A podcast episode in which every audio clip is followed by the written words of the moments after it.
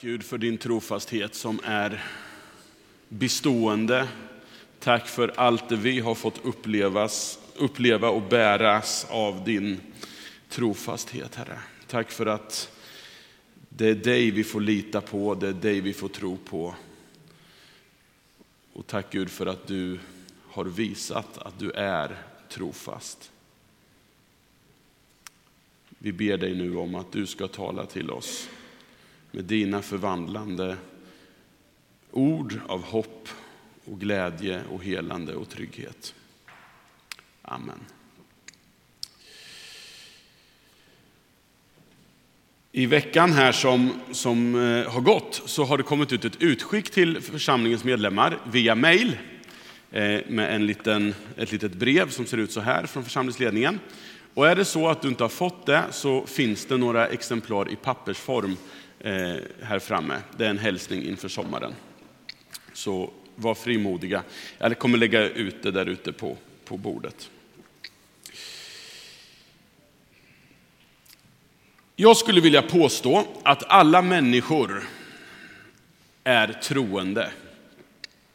Alla människor tror i den meningen att man sätter sin tillit till saker utanför sig själv för att finna trygghet, för att kunna sova gott om nätterna.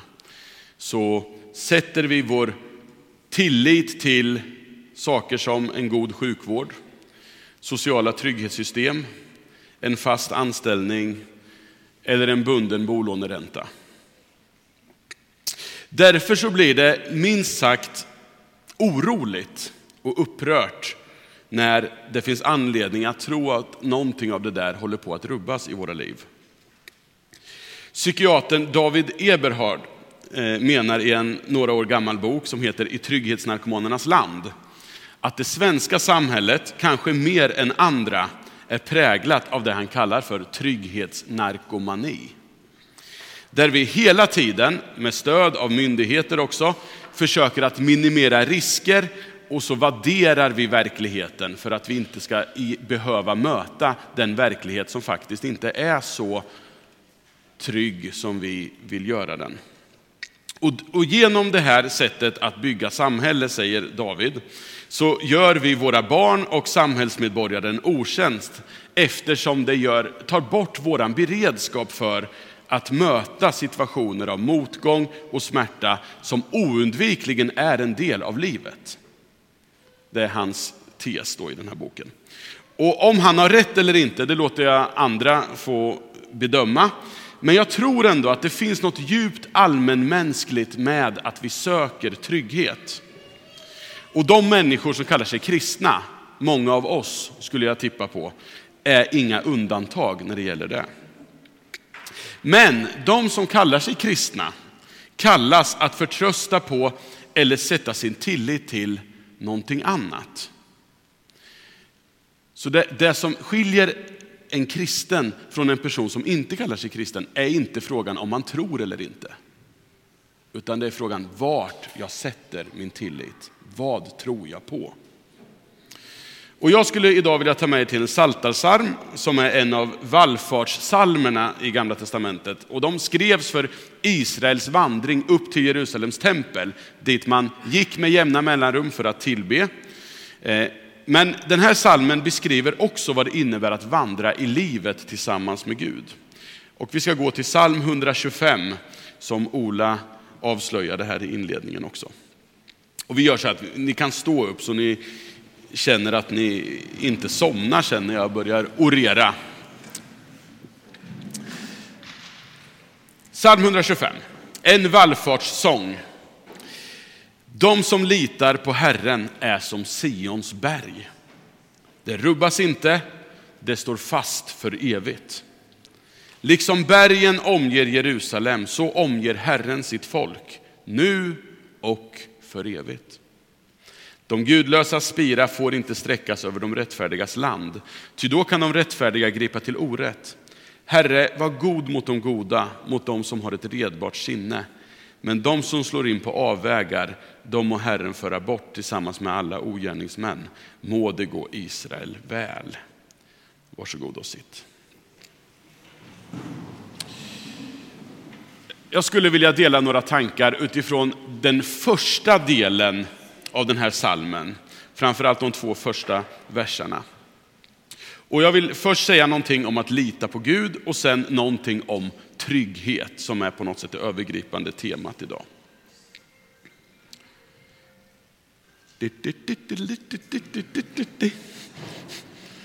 Den, den där är en klassiker.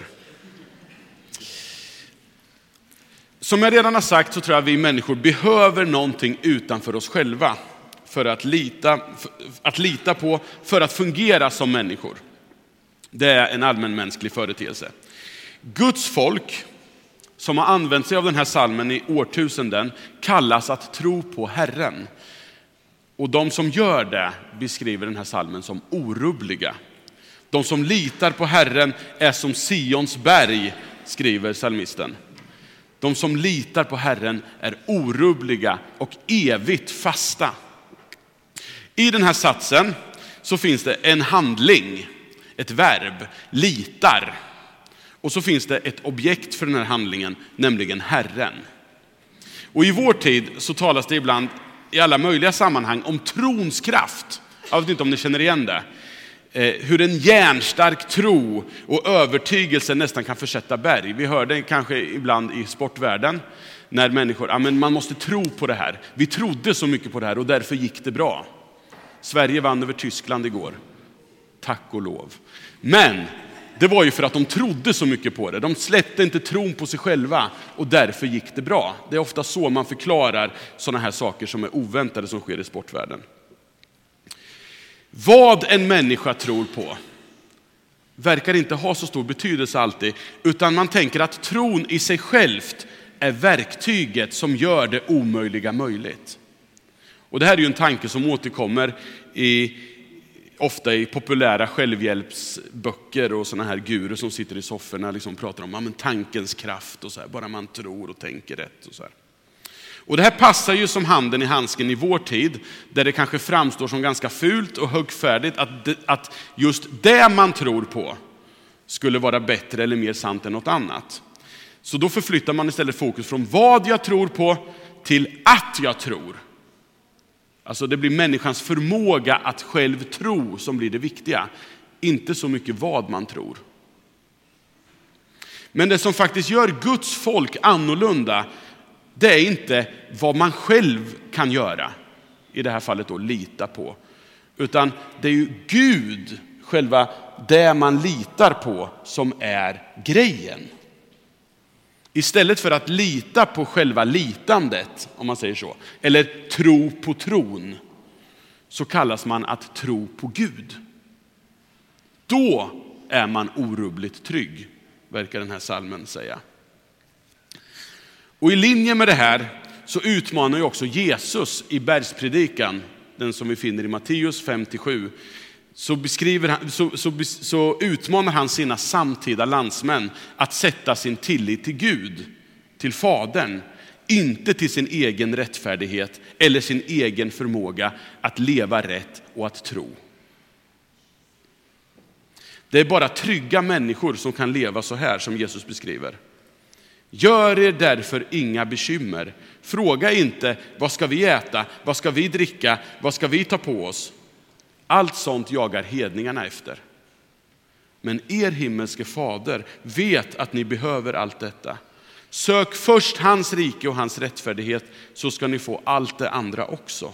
Gör er därför inga bekymmer för morgondagen.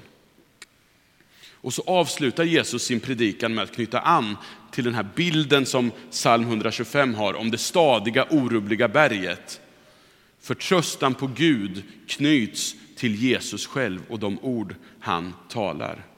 Den som hör dessa mina ord och handlar efter dem är som en klok man som byggde sitt hus på berggrund. Regnet öste ner, floden kom, vindarna blåste och kastade sig mot huset, men det rasade inte eftersom det var byggt på berggrund. Det är objektet, klippan, Gud, Jesus och hans ord som avgör om själva litandet eller byggandet är meningsfullt och verkligen skänker trygghet. Och den här bilden som Jesus ger här är ju en oerhört laddad bild för hans åhörare, där han säger att ni som bygger på den här tempelkulten i Jerusalem, den här berget som de här salmerna talar om, det är mina ord som är berget på riktigt. Och så jämför han deras liv med huset på sand. De tror att de är trygga, de har en känsla av att vara trygga, men de bygger på sand. Den verkliga tryggheten finns hos Jesus. Lite om att tro, att lita på Gud. Det här förflyttandet från, från vad man tror till att man tror kan ju verka vara ett uttryck för någon sorts tolerans och medmänsklighet. Men egentligen så blir det ju dess motsats. Det kastar oss nämligen tillbaka in i en självcentrerad religiositet där jag blir utlämnad till min egen förmåga att tro. Istället för att peka på en trygghet som inte är beroende av mina egna ansträngningar. Och salmisten han jämför tryggheten med Jerusalems geografiska läge. Liksom bergen omger Jerusalem, så omger Herren sitt folk. Guds närvaro bland sitt folk eller runt sitt folk, det är inte en fråga om folket känner så eller inte. Det är inte en fråga om en känsla, utan om ett tillstånd. Gud omger sitt folk oavsett vad folket känner. Gud omsluter oss på alla sidor, vare sig vi upplever det så eller inte. Och det är just det som är så unikt med evangeliet. Att Gud har gripit in, Gud har gjort någonting på riktigt som inte är beroende av din och min förmåga att känna det. Jesus lever varken mer eller mindre för att vi känner det från ena dagen eller den andra. Och det är, det är därför jag tycker att det är så fantastiskt bra att den här salmen använder geografi istället för psykologi för att beskriva hur Gud omsluter sitt folk. Det handlar inte om tyckande, känslor eller åsikter, utan det handlar om förhållanden utanför mig själv. Om Jesus har dött och uppstått så är döden besegrad oavsett hur många som tror det. Och tvärtom också naturligtvis. Det spelar ingen roll hur mycket vi tror på Jesus om inte evangeliet är sant. När vi står inför svåra avgörande beslut i det egna livet eller som församling som kanske hotar vår känsla av trygghet så kan det här vara ett viktigt perspektiv. Idag ska ju tas ett, ett beslut i en fråga som kanske liksom, mm, ruckar oss lite. Karl-Olof Rosenius, portalfigur för den nyevangeliska väckelsen på 1800-talet och medgrundare av EFS. Han lär ha sagt så här med anledning av vårt behov av trygghet och rädslan att kanske ta nya steg. Han säger så här. Antingen finns det en Gud i himlen och då har vi inget att frukta. Annars gör det ändå detsamma hur det går. Antingen finns det en Gud i himlen och då har vi inget att frukta. Annars gör det ändå detsamma hur det går. I Nya Testamentet så talas det om det kristna livet i rumsliga termer. De kristna är förflyttade. Petrus han beskriver det som att man har blivit förd från meningslöst mörker till Guds underbara ljus. Det är inte så att man har förflyttat sig själv, utan man har blivit förflyttade. Paulus säger att vi är döpta in i Kristus. I Kristus är vi trygga. Även om vi ibland kan uppleva rädsla, tvivel, skräck, ångest. Och det är vi ju därför att Jesus seger över döden och alla destruktiva makter som vill förstöra våra liv är verklig ändå. Och då har vi förflyttats in i Kristus ändå och kan vila i att allt ändå kommer att sluta lyckligt. Vem kan skilja oss från Kristi kärlek? läste Ola och Bastna här tidigare. Nöd eller ångest, förföljelse eller svält, nakenhet, fara eller svärd. Nej, över allt detta triumferar vi genom honom som har visat oss sin kärlek.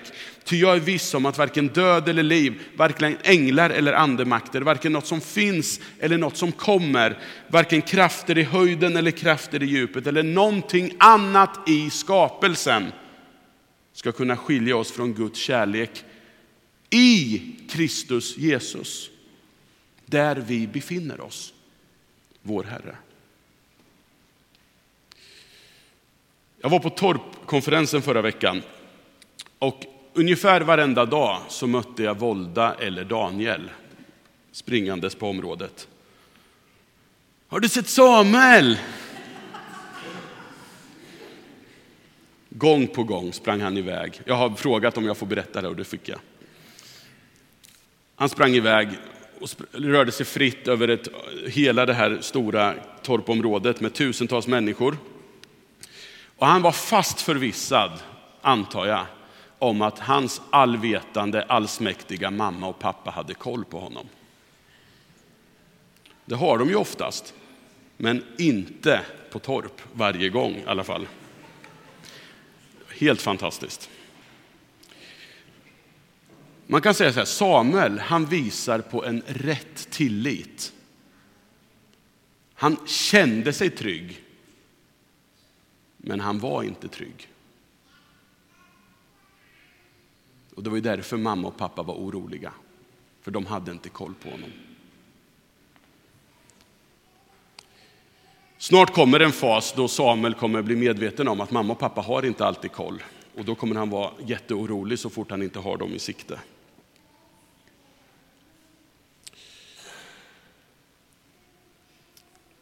Du kan säkert minnas att du som barn någon gång kommit bort från dina föräldrar. I det här, i det här tillståndet där du vet att jag kan försvinna från mina föräldrar, när man har börjat inse det där. Man minns sånt där. Själv var jag på Bryssels flygplats, fyra och ett halvt år gammal. Och plötsligt så var mamma och pappa inte där. Paniken, förtvivlan infann sig. Jag irrade omkring där bland de här butikerna och allt vad det var. Jag minns till och med att jag omfamnade en kvinna bakifrån i hopp om att det var mamma. Men så visade det sig vara en äldre dam som tyckte jag var jättesöt och började gulla med mig på ett språk som jag inte kunde. Och så här. En skräckupplevelse. Slutligen så blev jag återfunnen av min pappa i vimlet och i hans grepp så fylldes hela min varelse av en befriande trygghet. Och kanske så varade det här förlorade tillståndet någon minut. Men det kändes så mycket längre. Och oavsett vad jag kände i det läget, oavsett vad jag kände när jag gick omkring där och irrade, så var jag naturligtvis egentligen trygg hela tiden. Mamma och pappa skulle ju aldrig ha gått någonting längre utan en fyra och ett halvt åring. Och de skulle definitivt inte åka till Sverige utan mig, som jag trodde. Vi var på väg hem från ett, några år i utlandet. Och förmodligen kanske de hade sett mig hela tiden. Men min upplevelse var inte sån, men jag var ändå trygg. Känsla eller tillstånd. Tryggheten är primärt inte en känsla utan ett tillstånd. Vi är satta i trygghet. Oavsett vad du känner idag så kan jag meddela dig att i Kristus så är du trygg. Paulus han talar om att Kristus Jesus har fått honom i sitt grepp. Och jag tänker att vi irrar omkring i den här världen och möter en massa prövningar och villkor. Och precis som en fyraåring på en flygplats så kan vi känna och uppleva alla möjliga saker. Osäkerhet, ensamhet, ångest, sorg, smärta, orättvisa. Massa saker kan vi uppleva när sjukdomar plågar, konflikter hotar, nedskärningar stundar. Men vi är ändå alltid trygga. Därför att Gud lämnar oss aldrig och släpper oss aldrig med sin blick. Gud har sökt upp oss i vårt irrande, tagit oss vid handen och går med oss. Tron är ingenting som vi med all kraft måste kämpa för att bära. Utan tron på Gud, tilliten till Gud, är istället någonting som ska få bära oss. Med det här oerhörda innehållet. Genom att Jesus levt, dött och uppstått befinner vi oss i Kristus, i Guds kärleksfulla famn som bär allt. Om du som är här ibland känner dig otrygg, vilsen eller rädd, då har du kommit till rätt ställe. För om det vi samlas runt här är sant, så är vi på riktigt insatta, insatta i en trygghet där ingenting någonsin, vad som än händer, kan skilja oss från Guds kärlek i Kristus Jesus. Och det vi utmanas till, det är att ta emot det och i möjligaste mån leva som att det är sant. Det är då vi litar på Herren, som salmen säger. Då är vi som samer som springer omkring där, helt salig på torpområdet för mamma och pappa har koll. Volda och Daniel kanske inte alltid har koll, men Gud har alltid koll.